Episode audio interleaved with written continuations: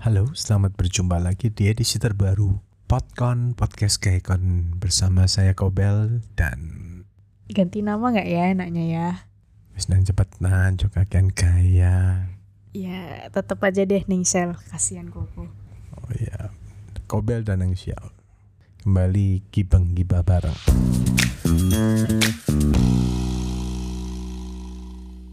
Tadi mau ngomongnya apa iki? Hmm, goes goes. Guys, kring kring kring ada sepeda. Lagi musim sepeda nih kayaknya nih. Sepeda roda tiga. Roda satu dong. Aku dapat dari ayah karena rajin bekerja. Iya, sekarang ini sedang fenomena goes. Goes di mana-mana Anda akan melihat banyak orang yang bersepeda. Kamu sepeda Anda? Dari SMP aku nggak sepedaan. Kayak iso paling. Bosen aku. Bosen. Oh, kok kuayang ngono kok bosen. Loh soalnya dulu kalau di SMP aku tuh dulu kan jalan di Madura tuh kan jauh-jauh ya. Jadi kalau sepedaan tuh rasanya buang-buang energi, buang-buang waktu. Jadi aku kelas 2 SMP sudah bawa motor sih. Wah, hebat. Tapi ya bersepeda memang menyenangkan ya. Itu adalah salah satu aktivitas yang paling banyak Kobe lakukan ketika pasif berada di tingkatan SMP ya. SMP kelas 1 sampai kelas 3 itu hampir tiap hari begitu pulang sekolah sepedaan dari siang sampai sore siang sampai sore kadang-kadang janjian sepedaan pergi eh sepedaan dengan teman-teman waktu subuh ya tapi sebenarnya kalau boleh Kobel bilang fenomena ini dimulai ketika kasus pengu- pengungkapan penyeludupan barang di Garuda di mana yang salah satu buktinya adalah sepeda Brompton itu Oh, itu skandal skandal penyelundupan Garuda. Eh, sorry Brompton terus ha Harley Davidson. Tapi itu kok hebat loh ya. Sampai sekarang eh, apa namanya? Eh, dirutnya udah dicopot sih. Udah, udah. Nah iya maksudnya kan salah satu pertama kali banyak orang mengenal merek sepeda Brompton itu kan berawal dari kasus itu. Ya tapi untuk secara pastinya sendiri ya Kobel juga mungkin gak ngerti lah kenapa kok tren sepeda ini tiba-tiba muncul lagi. Kan dulu juga pernah waktu itu sepeda fiksi itu. Oh, fiksi kalah pasar ya sama Brompton. Tapi fiksi itu memang udah nggak ini sih, udah nggak musim lagi. Karena dia terlalu ini kali ya, terlalu terlalu tipis bodinya ya. Ya bukan terlalu tipis ya mungkin kan bahaya. Fiksi itu kan nggak punya rem. Oh ya, remnya cuma di pedalnya ditarik ke belakang. Ya jadi intinya kan ini fenomena ini kan berulang lagi. Dulu pertama kali waktu yang sepeda fiksi itu. Lalu eh, sempat pula setelah itu ada eh, maksudnya kegiatan bersepeda ini ramai sampai waktu itu kan Jawa Timur dan Surabaya ini sendiri kan menjadi tuan rumah dari suatu perhelatan sepeda yang cukup besar itu sampai internasional. Nah tapi setelah itu kan hilang sebenarnya hilang dan sekarang kembali muncul ya entah apa pemicunya ini ini mungkin sama kayak ini ya tren ikan cupang sedang terjadi ini nggak tahu kenapa kok moro-moro muncul mana ikan cupang ini Apa ya itu? Aku baru tahu nih. wah iki tambah jawara potkon malah gak ngerti gak up to date nih ya apa iki kayak corners ya kembali lagi ke masalah gowes ini kan kalau gue lihat sebenarnya eh, kalau secara umum bisa dibagi dua ya para pelaku gowes sekarang. Ya yang pertama adalah mereka yang benar-benar serius. Jadi mereka serius ini belinya yang sepeda balap harganya bisa puluhan sampai ratusan juta.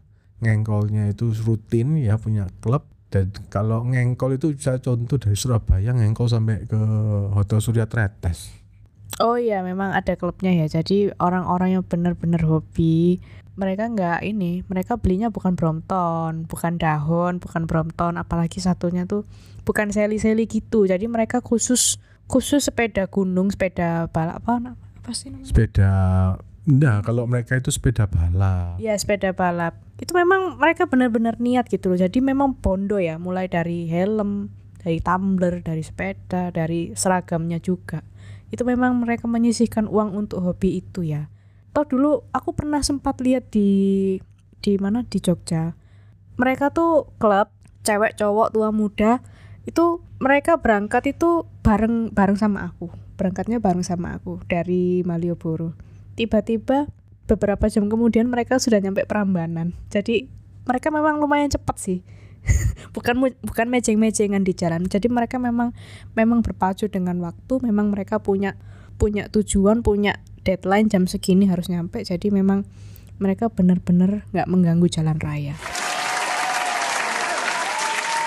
Ya itu kan berarti mereka memang melakukan kegiatan gowes ini sebagai kegiatan olahraga yang yang benar-benar diseriusi. Ya nah tapi yang sedangkan yang lain ya yang ya kalau kita boleh bilang golongan apa ya golongan alay mungkin ya yang ikut-ikutan ya beli Brompton ya terus sepedaan sepedanya itu gak tahu etika. Ya kita bahas mulai dari yang gak tahu etika ini. Ya kobel itu sudah bolak balik ya pengen tak tua bro nek gak tak tua bro tak puisui. Lah mosok jalanan lebar. Lebar itu 6 meter ya satu sisinya 3 meter. Sepi iso jejer 3 jejer 4 di tengah jalan nah itu karepe apa terusan jalan milik pesepeda ya sekarang ya seharusnya hmm, yang yang biasanya mejeng-mejeng di jalan yang pakai bronton-bronton itu kalau bisa ini Ningsel ngasih warning ya buat kalian-kalian. Hati-hati sama maling sepeda. Sekarang lagi musim. Brompton dicolong nu nangis paling ya. Udah kembali lagi sama tadi lah. Maksudnya kok beli itu gini loh. Loh, apa mereka itu mikir sepeda itu harus didahulukan? Toh, kobel sih ya enggak apa-apa. Ya, bagi kobel sih semua ya sama lah. Sepeda, sepeda motor, mobil, truk itu semua sama sebenarnya posisinya di jalan raya tapi yang mbok mikir gitu loh ya kon bersepeda jejer empat di tengah sing nek burimu iki apa cara lewat terus nek nek dibel dipisui ngamuk-ngamuk nah pikirnya jalannya mbahmu apa-apa gara-gara kon tuku sepeda Brompton terus kon duwe-duwe terus kon iso sakarepe ngono nek jalan. Ya jangan begitu mikirnya jalan ini milik bersama ndak boleh egois. Ya juga kan sempat kapannya yang viral ya. Ada beberapa uh, pesepeda itu masuk ke rumah makan sepedanya dibawa. Karena jari ini takut dicolong di luar. Lah masa masuk restoran sepedanya ditumpai? Masa tahu tumon kayak ngono. Iku ya sing duwe restoran iku ya bodoh. Nek aku ya tak usir kan namanya gak tahu etika. Jangan mentang-mentang karena sepedanya mahal terus kalian berpikir kalian ini bisa punya punya bisa sakar PDW gitu loh. Tidak menghormati orang-orang yang lain. Oh sepeda masuk restorannya. Yaitu ini ini kelewatan sudah. Soalnya kan memang orang kalau sudah kadung egonya tinggi mereka nggak peduli etika sih. Nah iya itu uh, salah satu contohnya. Dan juga sekarang yang anehnya itu gini kemarin Kopil jalan keluar ya minggu siang jam 10 jam 11 ya tahu Dewi lah di Surabaya musim kemarau kayak gini ya jam uh, menjelang siang itu kan panas-panas sih ya jadi ini siapa hot potato ya panas ngentang-ngentang. Lah ngono kok cek wes. Toh, lah kon iki golek olahraga, golek keringet apa golek mutung? Loh, nek mau olahraga gitu ya sepeda ya, nek niat gitu ya.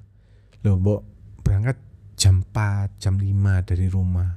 4 jam bersepeda, wis jam 9, ya maksimal jam 10 lah wis balik rumah, istirahat, saya bisa meluangkan waktu dengan keluarga melakukan acara yang lain. Lah kon jam 10 jam 11 saya ngongkel di jalan. Puana sih kayak ngono apa tutup oma wis kari keselit tok wis turu sampai bengi. Waktu terbuang sudah.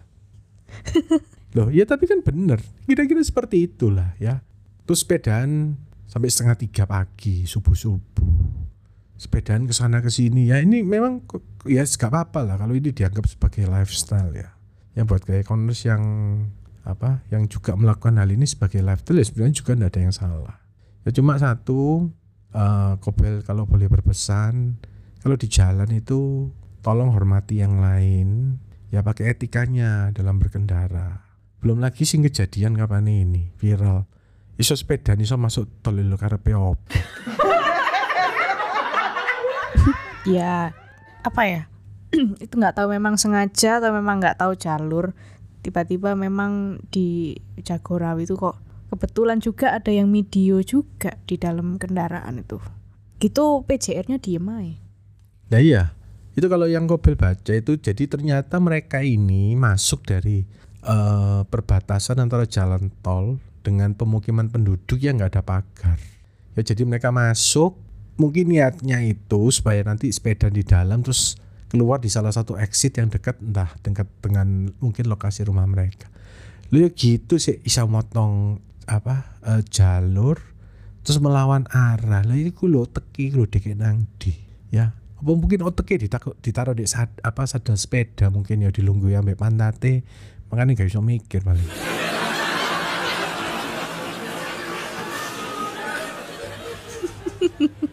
kasar. Loh iya tapi itu ke- kenyataan gitu loh. Apa karena percaya diri karena si Anies Baswedan pernah mengajukan surat eh, permintaan supaya sepeda ini diperbolehkan masuk tol. Terus karena kalian merasa begitu terus kalian merasa kaum para pengendara sepeda ini merasa ada angin gitu ya. Ya ndak gitulah. Ya tolong untuk eh, kayak corners yang selama ini mungkin hobi bersepeda kalau sudah melakukan dengan baik ya itu bagus. Tapi nih dua koncone sing kayak ngono kopel titip pesen satu ya tolong kuwaplok kono ae. Dede gak terima kon kon marani kopel ambek ning shell aja. Nanti kita cari cara bersepeda yang benar ya. Iya dong, karena kalau memang niatnya mau olahraga, apalagi mau cari keringat, itu caranya bukan cuman goes yang nggak jelas tujuannya. Carilah keringat dengan cara yang benar. iya kayak cari lagu kayak cari ini Denny Caknan Lost Doll kangen keringet karo awakmu Ya apa lagu nih? Wis ngono lah nanti golek dhewe nih YouTube. Nah, terus satu lagi yang pengen Kobel eh, bahas mengenai tren bersepeda ini. Nah, ini menyangkut merek sepeda Brompton. Ya. Brompton ini kan sebenarnya bukan sepeda yang murah tapi bukan juga sepeda yang paling mahal. Untuk kelasnya sepeda lipat masih ada yang lebih mahal di atasnya Brompton. Ya cuma yang paling populer ya memang Brompton ini. Ya salah satunya ya mungkin gara-gara kasus Garuda itu.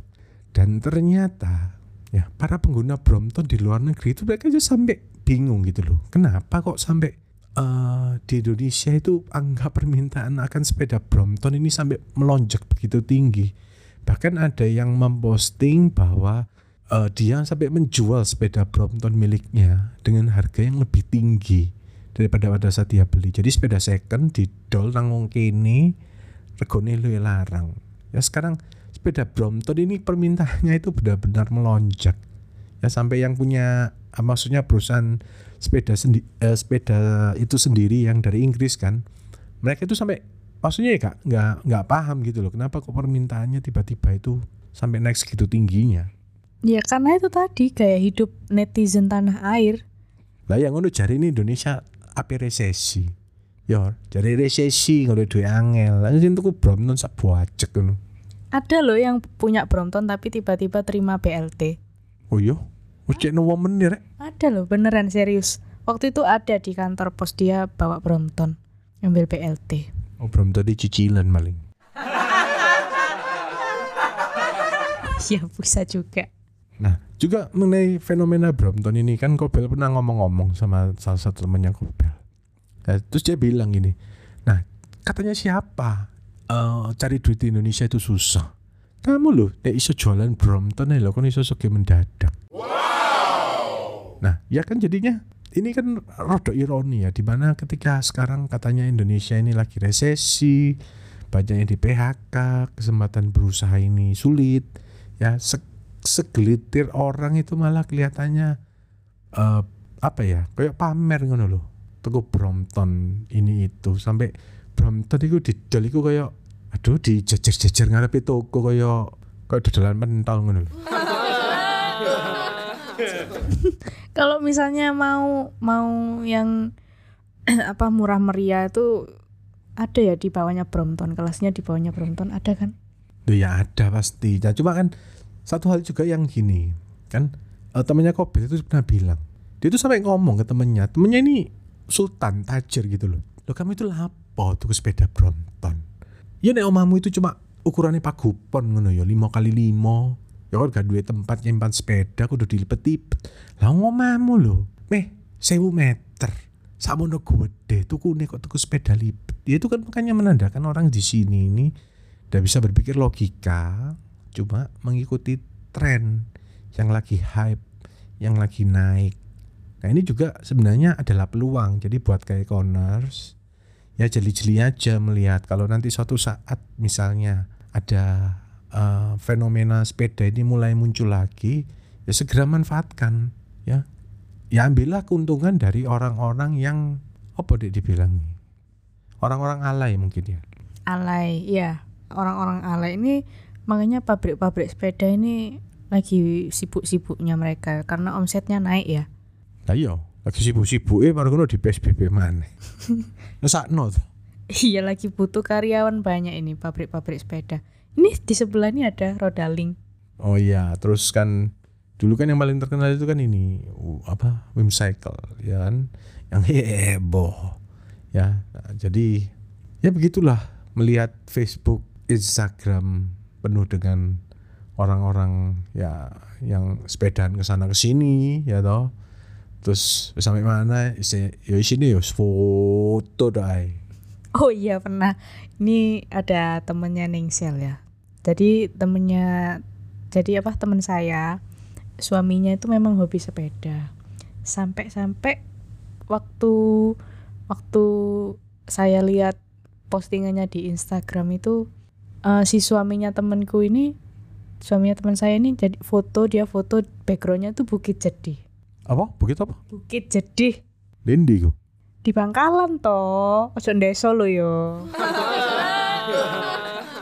Gak ngerti ya lanjut lanjut Iya dia tuh sepedaan sampai ke Bukit Jadi situ. Terus captionnya tuh gini, uh, kalau nggak salah nih ya kurang lebih seperti ini. Kita akan dimatikan berdasarkan kebiasaan kita sehari-hari. Terus saya mikir, ini kalau memang hobinya sepedaan, mosok captionnya gitu semua. Maksudnya hampir-hampir sama dengan itu gitu loh. Nggak ada caption lain, misalnya happy weekend atau apa. Captionnya tuh tidak jauh dengan kematian. Eh, uh, yang yang maksudnya postingan-postingan yang lainnya tuh hampir sama kata-katanya kayak gitu. Ini mungkin memang mania sepeda mungkin ya orangnya mungkin ya. Sampai tapi apa hubungannya mbak captionnya aku ya gak ngerti. Maksudnya dia pengen mati. Wah ini numpak sepeda ngono. mungkin ya. Nggak bisa nggak bisa kreatif bikin caption memang. Dikit-dikit kematian. Wes wes. Ya iku. dan juga satu gini ya. Ini boleh percaya atau enggak ya. Menurut uh, salah satu artikel yang pernah Kobel baca.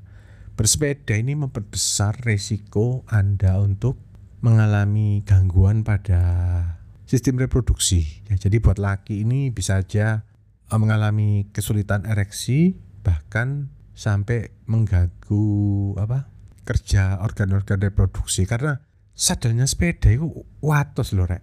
Loh ini sungguhan. Ya Kobel dulu pernah punya sepeda itu watos sadeli. Dan kan baik bersepeda selama empat eh oh ya mungkin tiga jam empat jam ya dengan duduk gitu. Dan dilakukan berkali-kali dalam bisa dalam seminggu itu ya sedikit banyak mengganggu ya. Nanti coba lah kau cari ini ya penjelasan ilmiahnya. Oh ini ya? Kalau cewek enggak ya? Ya cewek ya mungkin enggak ya. Jadi celananya biker cowok itu sampai ada yang punya bantalan di daerah dekat kemaluannya situ. Jadi untuk membantu apa ya menciptakan rasa ampun tapi ya pasti aduh tetap gak enak lah ya. Buat kayak kono yang suka sepedaan semuanya itu baik tapi kalau dilakukan secara berlebihan Kopel yakin juga akan membawa efek yang tidak baik nanti di depannya. Tuh dengerin Kopel ngomong ya jangan jangan diabaikan Kopel ini gitu-gitu bijaksana loh orangnya ya, bijaksana dan tidak sombong. Iya. Oh iya apa? Oh iya jelas kan ya seperti stikerku.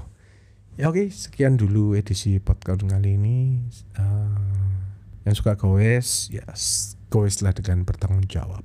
Ya ngomong ya yes, dan moga-mogahan Surabaya dan sekitarnya ojo di PSBB mana yo. Iki sakno ekonomi baru mau mulai menggeliat kok di PSBB lagi ya bersepeda dengan bertanggung jawab hormati etika berkendara jaga keamanan ya dan jangan lupa ngikuti apa follow media sosial kita di gimana Eh. follow media sosial kita di mana nih ada yang kelewatan. Aku tuh mau bahas ini loh, ada wisata baru di Malang. Jadi wisata goes itu ngelewatin kali-kali terus ada cewek-cewek yang mandi. oh iya iku mang jadi ada jalur gowes nanti bisa berfoto dengan para perempuan yang sedang mandi dengan memakai kemben Pernah ke sana tak? Aduh gak, aku cukup ya. Kobel iki sering disalah duga orang sebagai orang yang doyan bersepeda karena kentole kentol loh ya ingat kentol kentole kobel kan gede hasil dari bersepedaan dulu itu sering digini no ayo sepedaan kentolmu gede doyan sepedaan pasti gak gak wis terima kasih sudah lewat masa-masa saya bersepeda Bukan itunya, aku mau bahas wisatanya nih loh. Kok iso ngono loh?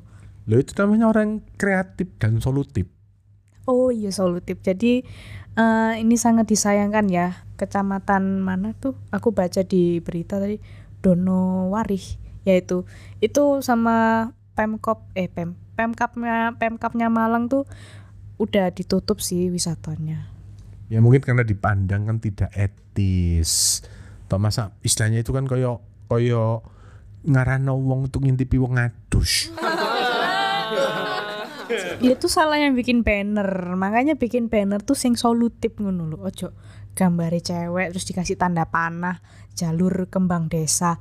Yo jelas ae para goes-goes mampir melipir ke situ. duduk duduk salahnya sing bikin spanduk salahnya sing viral no Ya pokoknya yang bikin spanduk dulu terus yang memviralkan. Kalau nggak viral, kalau nggak bikin spanduk nggak bisa viral toh. yo gak iso ya salahnya kok tetap gelem adus kayak kemben iku lah sengaja pamer harus ini mereka gak ada gitu biar dikasih spanduk gitu tapi gak ada gak ada isinya orang yang pakai kemben kan ya apa-apa saja nih ayo salah di salah spanduk ya apa salah wong sing sengaja pameran pakai kemben ngono ayo Ya itulah pokoknya.